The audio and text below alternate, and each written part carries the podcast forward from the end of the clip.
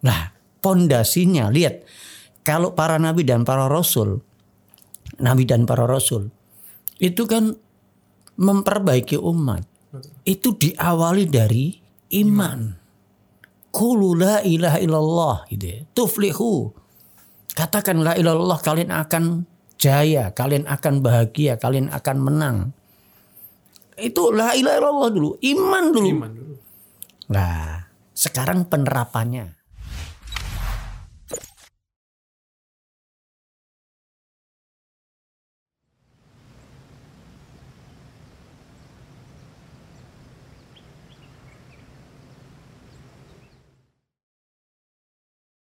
Bismillahirrahmanirrahim. Assalamualaikum warahmatullahi wabarakatuh. Waalaikumsalam. Alhamdulillah, salatu wassalamu ala rasulillah wa ala alihi wa sahbihi wa mawalah. Pemirsa, podcast SNTV yang dirahmati Allah subhanahu wa ta'ala di mana pun Anda berada. Alhamdulillah pada kesempatan kali ini kita kembali lagi pada podcast SNTV yaitu pada segmen Islamic Parenting. Eh, Alhamdulillah pada kesempatan kali ini nih kita sudah sempat membahas terkait dengan tiga poin-poin penting, tiga poin-poin dasar terkait dengan parenting. Yang pertama adalah eh, il- apa iman, lalu di- dibuahi dengan eh, adab dan akhirnya pada ilmu dan seterusnya. Nah, kita akan membahas tuh terkait pembahasan kita yang sebelumnya agar lebih paham lagi bagi kita yang sedang memulai atau yang telah memulai keluarga. Nah, untuk itu pada segmen kali ini kita mengundang beliau guru kita Al Ustadz Yusuf Iskandar Hafizahullah Ta'ala. Assalamualaikum Ustadz. Waalaikumsalam warahmatullahi wabarakatuh. Insyaallah. Apa kabar Ustadz? Alhamdulillah sehat. Alhamdulillah. Alhamdulillah. Nah Ustadz ini kita lanjut ini Ustadz pembahasan kita ngobrol-ngobrol santai kita terkait dengan parenting nih Ustadz. Iya. Nah kemarin kan antum sudah membahas tuh terkait dengan yang poin-poin dasarnya. Iya. Nah, imankan, imankan, adabkan, pinterkan. Nah begitu Ustadz, Oh, Masya Allah itu memang paling mantap itu. Nah terkait itu tuh Ustadz nih, eh lantas dalam proses eh, parenting itu sendiri Ustadz, Hmm. itu kan ada tahapan-tahapannya dulu Ustadz. Nah Iya. itu untuk tahapannya sendiri itu apa sih Ustadz yang paling penting dari semuanya? Baik. Jadi eh kembali namanya Islamic parenting ya. Betul. Kita harus ada rujukan. Rujukannya adalah Rasulullah. Ruj- Rujukannya adalah kitabullah. Rujukannya adalah para salaf gitu ya. Para sahabat Nabi Shallallahu Alaihi Wasallam. Lah ada satu riwayat ya yang diriwayatkan oleh Imam Tobroni, Imam Ibn Majah dan yang lainnya di Sahih Al-Albani. Perkataan Jundub bin Abdullah. Nah, Jundub bin Abdullah ini dia adalah sahabat muda. Dia mengatakan kala kunna ghilmanan hazawira. Dulu kami ketika masih anak-anak menjelang balik kurang lebih umur 10 atau 11 tahun. Ma'a Rasulullah SAW. Bersama Nabi SAW, fata'allamnal imana qabla al-Quran. Kami belajar iman sebelum Al-Quran. Gitu. Iman dulu Ustadz. Iman dulu belum Al-Quran. Ya. Summa ta'allamnal Quran. Baru setelah itu belajar Al-Quran. Fasdad nabihi imanan. Sehingga iman kami tambah kuat. Jadi setelah mengetahui ayat-ayat Al-Quran, menghafal Quran, isinya menguatkan iman. Jadi udah ada iman dulu, disemai dulu, baru kemudian ada Al-Quran seperti pupuk. Nah seperti pupuk. Jadi Al-Quran wahyu itu akhirnya memupuk. Semakin tambah ko- kokoh, tambah kuat. Kemudian beliau mengatakan wa innakumul yauma adapun kalian hari ini ta'allamunal Qur'an qoblal iman. Hari ini kalian belajar Al-Qur'an dulu sebelum iman. Malah terbalik ya Ustadz Terbalik. ya. Itu di zaman tabi'in beliau bicara. Ya. Zaman tabi'in. Bagaimana dengan sekarang ini juga seperti itu. Lah, ini harus kita menjadi harus menjadi satu eh, renungan kita bersama para ayah para ibu semuanya bahwasanya rata-rata para ayah para ibu itu pengen anaknya cepat hafiz Quran Betul ya pengen cepet hafiz Quran pengen eh, apa obsesinya itu cepet jadi ahli Quran Dia lupa ada sesuatu yang lebih penting. Yaitu iman. Iman itu sesuatu yang nggak bisa di, ditolerir. Dia adalah dasar. Ya, dasar asal dari semua amal. Kalau imannya itu iman itu seperti al, seperti akar dalam sebuah pohon. Jadi kalau kita sibuk mengokohkan akarnya nanti akan tumbuh dengan sendirinya batang yang kokoh, ranting yang banyak, uh, daun yang rimbun dan kemudian bunga dan akhirnya berbuah lebat. Nah ini ya sebenarnya. Tapi kalau kita sibuk orientasinya ada pada buah, ada pada uh, batang, ada pada rantingnya, ada pada daunnya. Kita lupa pada akarnya. Akarnya. Malah nggak dapat apa-apa. Akhirnya akarnya rapuh. Rapuh. Ya mungkin ada yang dia hafiz Quran tapi durhaka sama orang tua. Ada nggak? Ada. Ada. Ada baru-baru ini saya dapatkan seorang yang hafiz, hafidhoh tapi durhaka sama ayah sama ibunya minggat dari rumah. Lah, lah ini kan satu fenomena. Bahwasanya karena hafal Qur'annya tidak didasarkan pada iman. Orientasi awalnya adalah hanya bagaimana anak hafal, hafal Quran, Quran. cepet hafal Quran, nggak mau mengokohkan akar pondasinya dulu. Nah, pondasinya lihat kalau para nabi dan para rasul, nabi dan para rasul itu kan memperbaiki umat. Itu diawali dari iman. Qulu la ilaha illallah gitu ya. Tuflihu. Katakan la ilallah kalian akan jaya, kalian akan bahagia, kalian akan menang.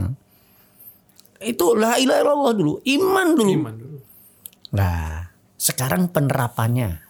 Nah, nah itu, itu. penerapan itu bagaimana Ustaz? Lah ini yang biasanya bagaimana penerapannya? Ini bukan berarti nanti uh, kalau iman dulu kemudian Al-Qur'annya nggak sama sekali. Tidak, sambil berjalan bisa dua-duanya. Tapi prioritas prioritas prioritas yang pertama dan utama yang selalu diperhatikan adalah iman.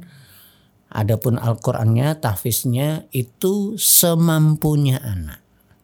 Tapi iman ini harus selalu di dipupuk, disemai.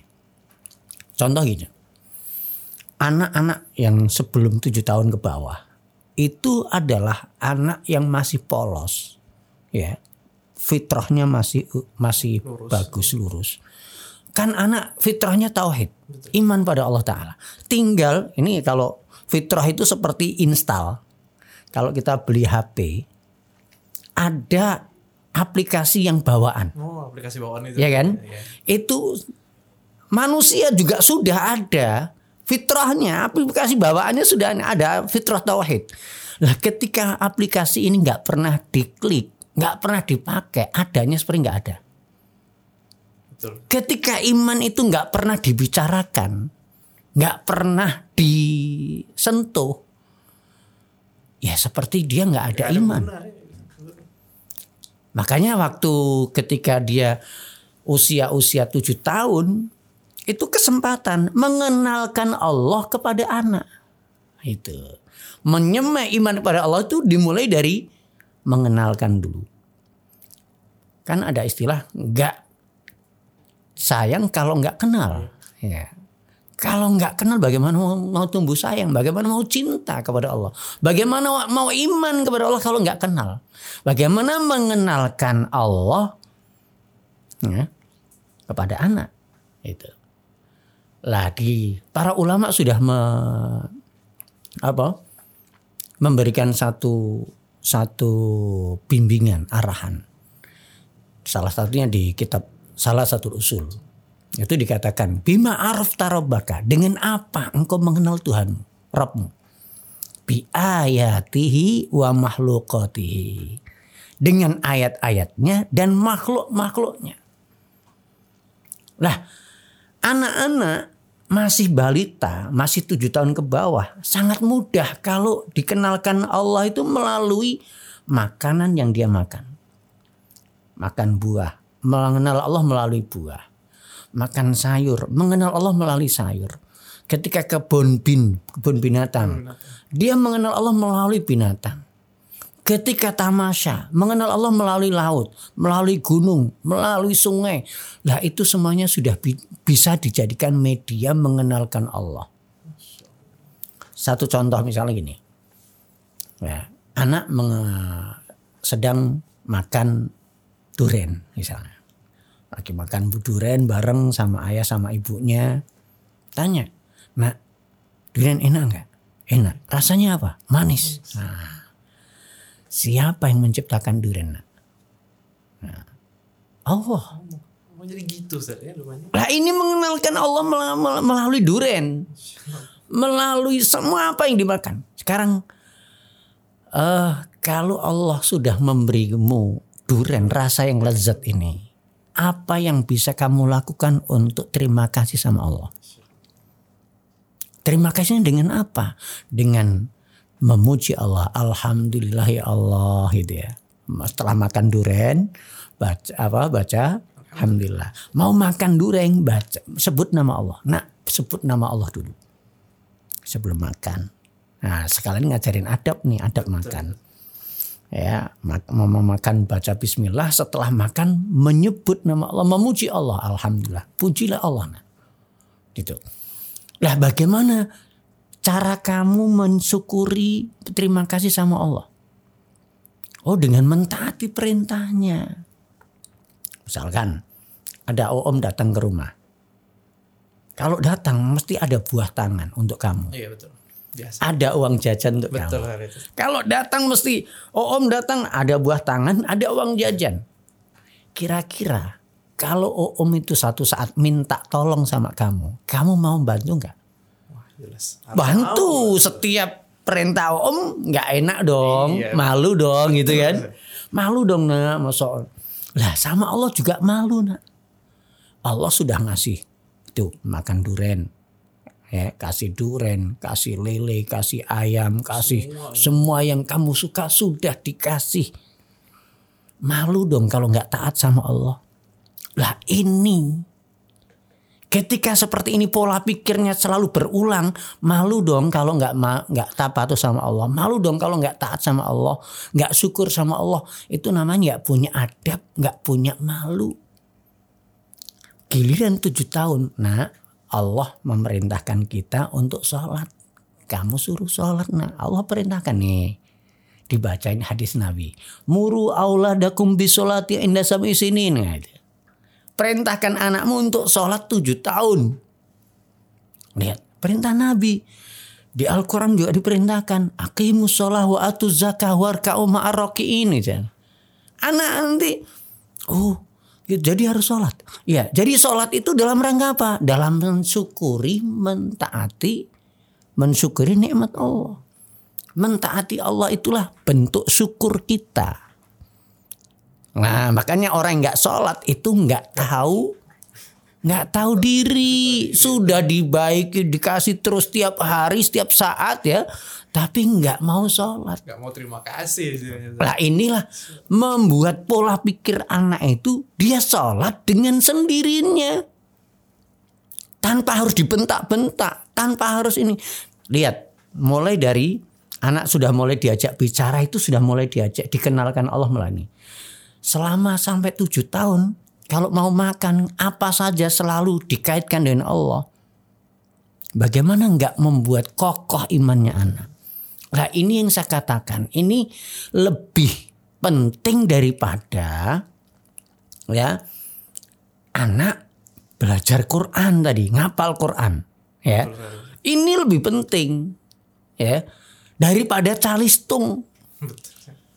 Lah sekarang orang tua sekarang maunya umur 4 tahun sudah dicarikan bimbel Betul Ustaz. privat. Privat apa? Calistung Alistung. perasaan menurut orang tua ini dia sudah didik anak dengan baik. Belum.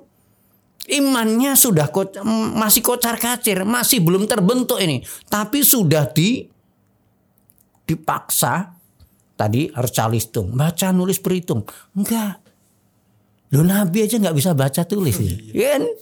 Kemarin kita sudah bahas. Nabi aja nggak bisa baca tulis. Kenapa kita gesa anak kita untuk baca tulis? Jadi imankan dulu. Imankan dulu. Iman dulu sebelum Quran tadi.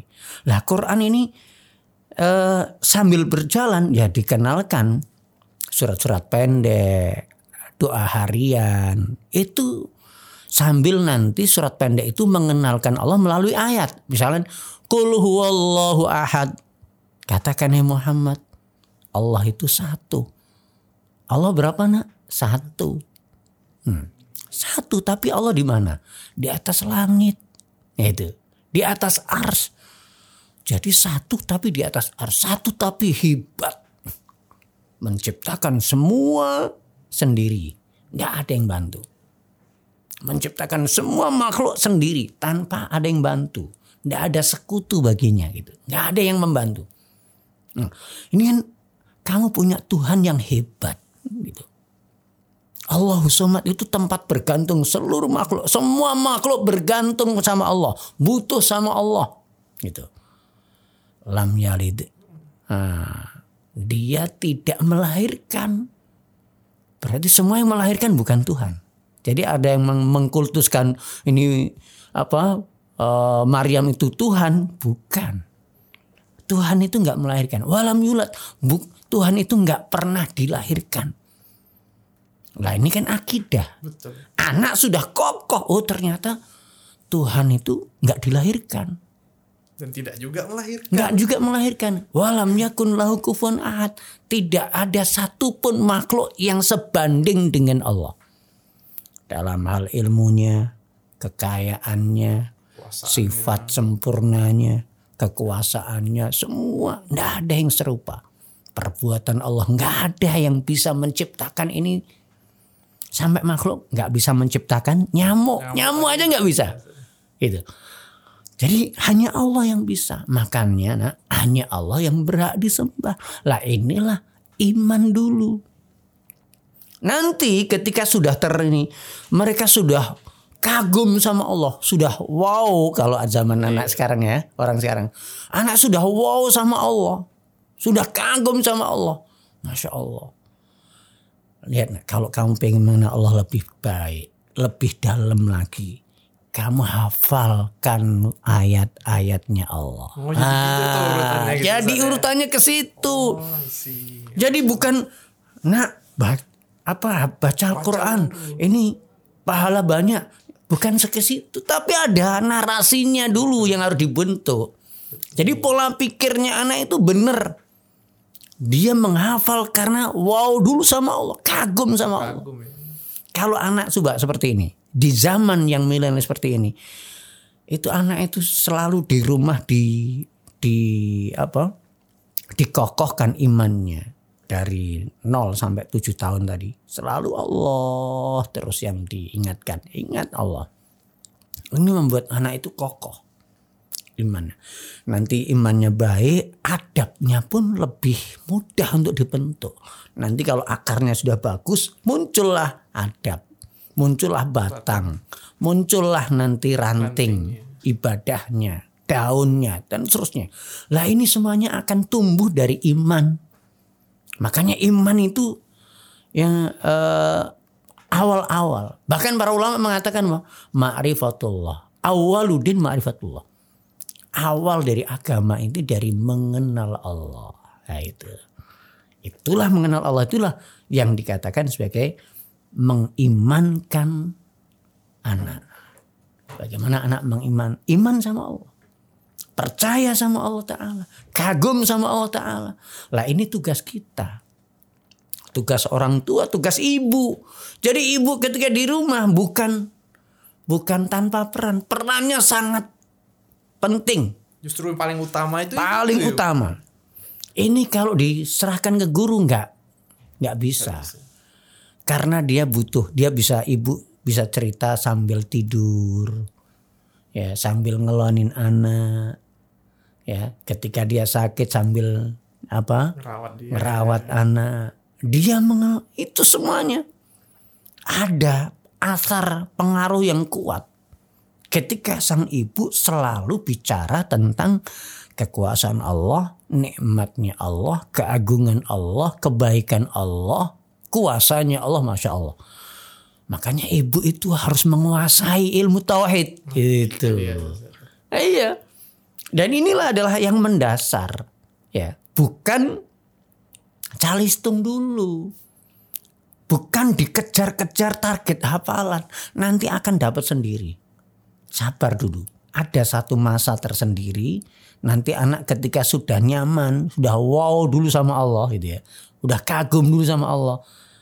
Nanti anak akan akan tumbuh dengan sendirinya ya, sambil terus di dipandu, dilatih menghafalnya pelan-pelan. Jangan dituntut seperti orang dewasa seperti abangnya, seperti kakaknya enggak. Dia sesuaikan dengan kemampuan anak. Sesuaikan dengan waktu anak gitu. Itu. Jadi ini yang saya katakan uh, iman dulu sebelum Quran. Quran. Jadi ketika dia nanti baca Quran, dia tahu artinya ternyata masya Allah. Ya, dari surat pendek aja al-ikhlas aja seperti tadi. Lah orang tua itu mengajarkan kandungan ayat-ayat pendek yang telah dihafal Al-Fatihah, Al-Ikhlas, Al-Falak, An-Nas, Al-Kafirun dan surat terpendek tadi yang mudah dihafal anak dan itu juga semuanya mengokohkan iman. Coba perhatikan surat-surat pendek itu semuanya nggak ada yang beda yang bicara tentang fikih. Iya betul Ustaz. Semuanya tentang iman, tentang Allah Taala. Lah itulah maknanya Kenapa? Kalau kita ngajarin anak baca Quran atau ngapal Quran, kira-kira surat panjang atau ayat-ayat pendek? Jus amma dulu ya. Ayat pendek. Dan ini isinya apa? Masalah iman. Akidah tauhid. Akidah tauhid. Oh iya juga. Jadi kenapa nggak nggak ini? Makanya Nabi SAW itu memulai dari sini. Mengajar Jundub bin Abdullah tadi. Sahabat muda. Dikatakan sahabat muda itu dia masih Nah, ketika Nabi meninggal dunia itu dia masih muda, masih anak-anak, masih menjelang balik ini tadi ya. Menjelang balik. Jadi belum belum dewasa. Oleh karena itu kita perlu para ulama, eh, para pendidik, orang tua, eh, para guru ngerti harus ngerti masalah ini. Ada tahapan. Memang banyak ilmu yang penting. Calistung penting, Quran penting, ya. Semuanya penting. Tapi ada yang lebih penting dan mendasar. Yaitu mengenalkan Allah pada anak. Akidah tauhid ini yang tidak bisa ditawar. Dan itu nggak harus apa? Orang tuanya nggak harus jadi ustazah dulu. Nah itu dia Ustaz. Iya kan? Harus jadi ustazah dulu. Aduh Ustaz, saya kan bukan ustazah. Nah, iya, itu betul kan, saya nggak bisa berdalil. Ini kayak tadi kan perlu dalil nggak? Betul. Eh, nggak perlu, perlu dalil. Iya betul juga. Nggak perlu dalil, cukup ini yang makan apa? Apel makan. Jadi apel untuk mengenalkan Allah. Ya, ala kulihal sebenarnya kita memang semuanya perlu belajar dan selalu, selalu banyak belajar membaca buku kembali tentang bagaimana nanti menyederhanakan bahasa-bahasa Al-Quran, bahasa hadis ke anak-anak kita. Soalnya nggak mungkin kan Ustaz anak-anak dikasih dalil gitu kan. ah, kan. dia malah bingung dia. bingung ini ngomong apa? Apalagi disebutkan silsilah hadis Wah, ya. Ini hadisnya Hasan nih lah. bingung Ustaz.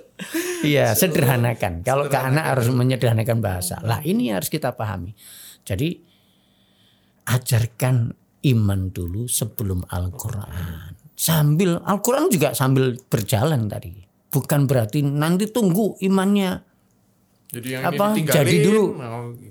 Lah sekarang eh, kapan anak itu mulai tahu? Kita tahu kapan kita mulai tahu anak itu eh, sudah mulai tumbuh imannya. Nah itu Zat. Nah, Antara, ketika kita semai, iya. kapan kita tahu tandanya anak ini eh, sudah ya. sudah mulai tumbuh imannya? Iya itu bagaimana tuh? Lah itu apa?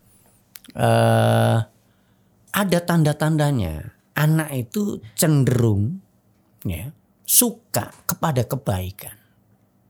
Nah, kalau dia main sama temen, dia sudah mulai bisa lihat. Ini bu, tadi teman saya jahat kali, aku nggak suka sama dia. main sama dia. Aku sukanya sama si si B yang dia baik. Dia mulai udah mulai bisa memisahkan nih baik, nih Buruk buruk. itu tadi, Ustaz. Dan dia cenderung kepada yang baik. Ah, kalau dia ny- milih teman dia pilih yang Yang baik-baik. baik-baik. Dan dia lebih suka kepada kayak ketika itu sebenarnya ya tadi ya ini adalah buah dari kalau kita selalu bicara tentang kebaikan. Makanya membimbing mem- me- apa mendidik anak itu selalu membersamai dan kemudian kita akan tahu oh alhamdulillah anakku cenderungnya kepada tempat-tempat yang baik. Kalau tempat-tempat yang buruk ya tempat-tempat maksiat teman-teman yang maksiat nggak suka dia nggak suka dia sukanya nggak suka kalau anak-anak remaja nggak suka yang keluyur-keluyuran di remang-remang nggak suka dia sukanya di tempat yang jelas soalnya kajian tempat masjid orang soleh Jadi karakter nyatu dengan karakter Ustaz. ya? akhirnya nanti begitu itulah tanda-tanda itu anak sudah tumbuh imannya Nah, makanya orang tua bingung, anakku itu kok susah kali diajak sholat ya? Nah iya tuh Ustaz. Itu karena memang belum nggak pernah di, dibicarakan iman. Dia belum pernah menyemai iman bagaimana akan akan seneng atau mudah diajak sholat. Itu enggak. Anakku kok masih suka nirukan yang buruk-buruk ya. Ustaz? Yang buruk dia malah suka meniru. Ya, yang jel, yang baik malah nggak mau niru. Lah ini kan nggak ada, belum ada tambah tanda iman. Makanya fokusnya orang tua mestinya. Ketika seperti itu, wah anakku kok cenderungnya kepada yang jelek-jelek, temannya jelek, tempat-tempat yang jelek. Ini berarti ada hal yang salah. Ini berarti belum tumbuh imannya. Saya harus semai dulu iman selalu mengenalkan Allah. Mulai dari dasar lagi. Mengenalkan Allah melalui buah-buahan melalui sayuran melalui udara melalui gunung sungai semuanya. Ciptaan Allah itu jadi uh, wasilah untuk mengenalkan kebesaran Allah. Lah itu yang harus di, dilakukan orang tua. Jadi bukan selalu apa fokus pada nilai. Nilaimu berapa? Juara berapa? Berapa hafalannya itu nanti deh. Nanti. Nah, orang tua yang ngerti ngerti pendidikan, dia asal selalu yang dia perhatikan selalu dia bicaranya bagaimana, temennya siapa, cenderungnya ke mana dia, baik atau buruk. Nah, cenderungnya pada tempat-tempat yang baik atau buruk. Lah ini yang diperhatikan orang tua. Inilah orang tua yang selalu fokus mengimankan, mengadapkan anak. Dan dia ngerti agak, ngerti pendidikan itu seperti ini. Tapi yang nggak ngerti, dia yang dia obsesinya nilaimu berapa? Ya nilainya jelek dimarahin. Hafalannya kurang dimarahin. Enggak. Justru biarkan kalau nilai akademiknya itu biarkan sesuai berjalan dengan kemampuannya. Kita bisa motivasi dan seterusnya. Tapi yang fokus kita adalah perilaku, sikapnya, bahasanya, ya, ibadahnya. Lah itu yang harus kita perhatikan. Inilah fokus mengimankan. Ya, wallahu alam bisawab. Masya Allah. Nah Ustaz, tapi bagaimana Ustaz nih kalau misalnya dalam eh, kurun waktu tadi nih Ustaz nih, mungkin eh, berdasarkan hadis Nabi SAW tadi sampai umur 7 tahun nih Ustaz nih. Nah bagaimana kalau misalnya konteksnya Qadarullah orang tuanya baru sadar ketika anak itu mungkin sudah memasuki umur-umur yang di atas 7 tahun tadi Ustaz. Nah apakah treatmentnya masih sama Ustaz? Ya sama. Sama. Sama Ustaz ya? Hadis itu sebenarnya ada kelanjutannya. Muru auladakum bisolati inda sab'in sinin. Ya, perintahkan anakmu untuk sholat ketika umur tujuh tahun. 7 tahun.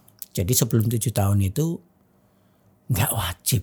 Jadi dia mau sholat juga ya? Orang tua nggak wajib nyuruh anak sholat. Ya, karena masih belum tujuh tahun. Maknanya tujuh tahun ini mudah diajari untuk sholat. Bacaan-bacaan sholat, gerakan sholat sudah bisa. Inilah yang oleh pakar pendidikan sekarang dikatakan usia wajib belajar. Usia wajib belajar tadi. Nah, kan pas dengan Nabi. Iya pas juga. Umur tujuh tahun. 7 tahun. kan? Lah, kemudian Wadribuhu alaiha inda asyri sinin. Pukullah dia ketika umur 10 tahun. Jadi lebih tegas lagi ya. Antara 7 tahun ke 10 tahun itu berapa rentang waktunya? Sekitar tiga tahun. tiga tahun itu kalau kita selalu fokus perhatian memupuk iman dan membiasakan anak untuk sholat narasinya tadi ya sholat itu untuk mensyukuri, nikmat, Mensyukuri nikmat Allah. Allah. ya mentaati Allah itu sesuatu yang harus kita lakukan karena kita malu kalau nggak taat sama Allah narasi ke situ selalu diulang, diulang, diulang. Mosok tiga tahun nggak jadi. Itu keterlaluan. Betul. Ya, keterlaluan. Kalau anak orang tua itu dia selalu mendampingi anak selama tiga tahun jadi. Nanti tujuh tahun, sepuluh tahun nggak perlu lagi nyuruh. Dia akan waktu azan diambil sholat, ambil wudhu sendiri. Nggak usah disuruh lagi karena sudah terbentuk, sudah terbiasakan dan dia sudah kokoh di sini. Terbentuk narasi tadi. Aku sholat itu untuk terima kasih sama Allah. Malu kalau saya nggak sholat. Gitu. Lah kita tinggal mengingatkan saat dia lemah iman. Saat males. Oh ini lagi udara dingin nih, hujan-hujan nih. Nah, ada motivasi. Tapi tidak separah ketika memang apa tanpa ada narasi tadi. Yang susah adalah ketika anak itu nggak punya narasi sama sekali, nggak punya keyakinan. Kenapa sih harus sholat? Nah itu udah parah. Nah orang tua juga nggak bisa jawab. Sebenarnya anak itu penuh dengan tanda tanya. Kenapa sih aku harus sholat? Apalagi masih ngantuk kayak gini. Kenapa harus bangun? Kan gitu. Iya Ustaz. Subuh-subuh. Udah ngantuk, masih ngantuk, masih dingin. lagi. Kenapa harus bangun? Kenapa harus ini? Lah ibunya bapaknya nggak bisa jawab. Coba kalau dibuat narasi tadi. Kenapa harus sholat? Karena ini cara mensyukuri nikmat. Malu dong. Malu saya. Udah dikasih semua. Kesehatan, udara yang segar, ya air yang diminum segar gitu ya. Semuanya ini bumi yang begitu indah dan semuanya. Malu. Kalau kata malu ini sering disampaikan ke anak, insya Allah anak akan sampai pada satu tahapan malu. Dia tidak perlu lagi disuruh sholat, dia akan sholat. Gitu. Berarti kalau kita sambil menyuruh tuh Ustaz, kita sebagai orang tua dan pastinya harus wajib mencontohkan juga Ustaz ya. Betul. Itu dia. Kan, jadi ketika kita waktunya azan, waktunya kita dengar azan, kita kasih ke anak. Nah, ayo kita sholat. Mau diajak gitu ya Ustaz ya. Ya, ibunya bapaknya ambil wudhu dulu, baru ayo sholat dulu.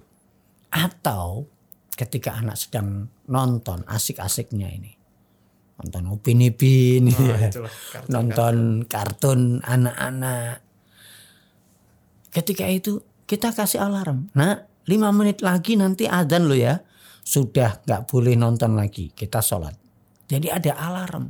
Bukan saat adzan langsung dicabut, matikan, diterbut HP-nya. Marah. Iya, iya. Lah ini yang harus diperbaiki caranya. Berarti ada adabnya juga Ada ya Ustaz ya. adab. Itu. Jadi itulah yang harus dilakukan oleh orang tua. Apa? Semakin kita belajar, eh, semakin kita eh, mendalami tentang masalah parenting, ini, kita nampak makin bodoh kita, Betul makin nggak ngerti. Banyak nggak tahu gitu. Iya, iya. Itulah cara bagaimana kita eh, mungkin para pendengar pemirsa syukur banget kalau dapat channel ini, insya Allah Masya Allah. tetap setia di channel kita ini. Masya Allah, nah nih. Uh, Jazakallah khairan Ustaz. Mungkin kita cukupkan dulu nih perbincangan kita nih Ustaz pada malam kali ini. Uh, namun kepada para pemirsa sekalian mungkin sudah mendengar nih apa yang beliau sampaikan. Uh, mungkin ini suatu bentuk nikmat dari Allah Subhanahu Wa Taala. Uh, antum semua dijumpakan dengan channel kami ini. Nah, uh, Insya Allah semoga kita kupas tuntas. Nah, jadi stay tune terus pada channel ini kita akan membahas nih terkait parenting secara tuntas bagaimana eh, membimbing eh, teman-teman sekalian untuk memulai keluarga yang sakinah, mawaddah, warahmah dan akan memiliki keturunan yang soleh dan solehah dan tentunya juga bermanfaat kepada eh, manusia sekalian gitu ya Ustaz ya. Iya, betul. Eh, nah, eh, jazakallah khairan Ustaz atas ilmu yang antum sampaikan. Ya. Eh, kepada pemirsa sekalian silahkan nantikan terus pada akun-akun media sosial kami bisa melalui YouTube, Instagram, Spotify ataupun juga di dari SoundCloud kami. Sekian dari apa yang kami sampaikan, lebih kurangnya mohon maaf. Jazakallah khairan wa barakallahu fikum. Nah, Ustaz diminum dulu.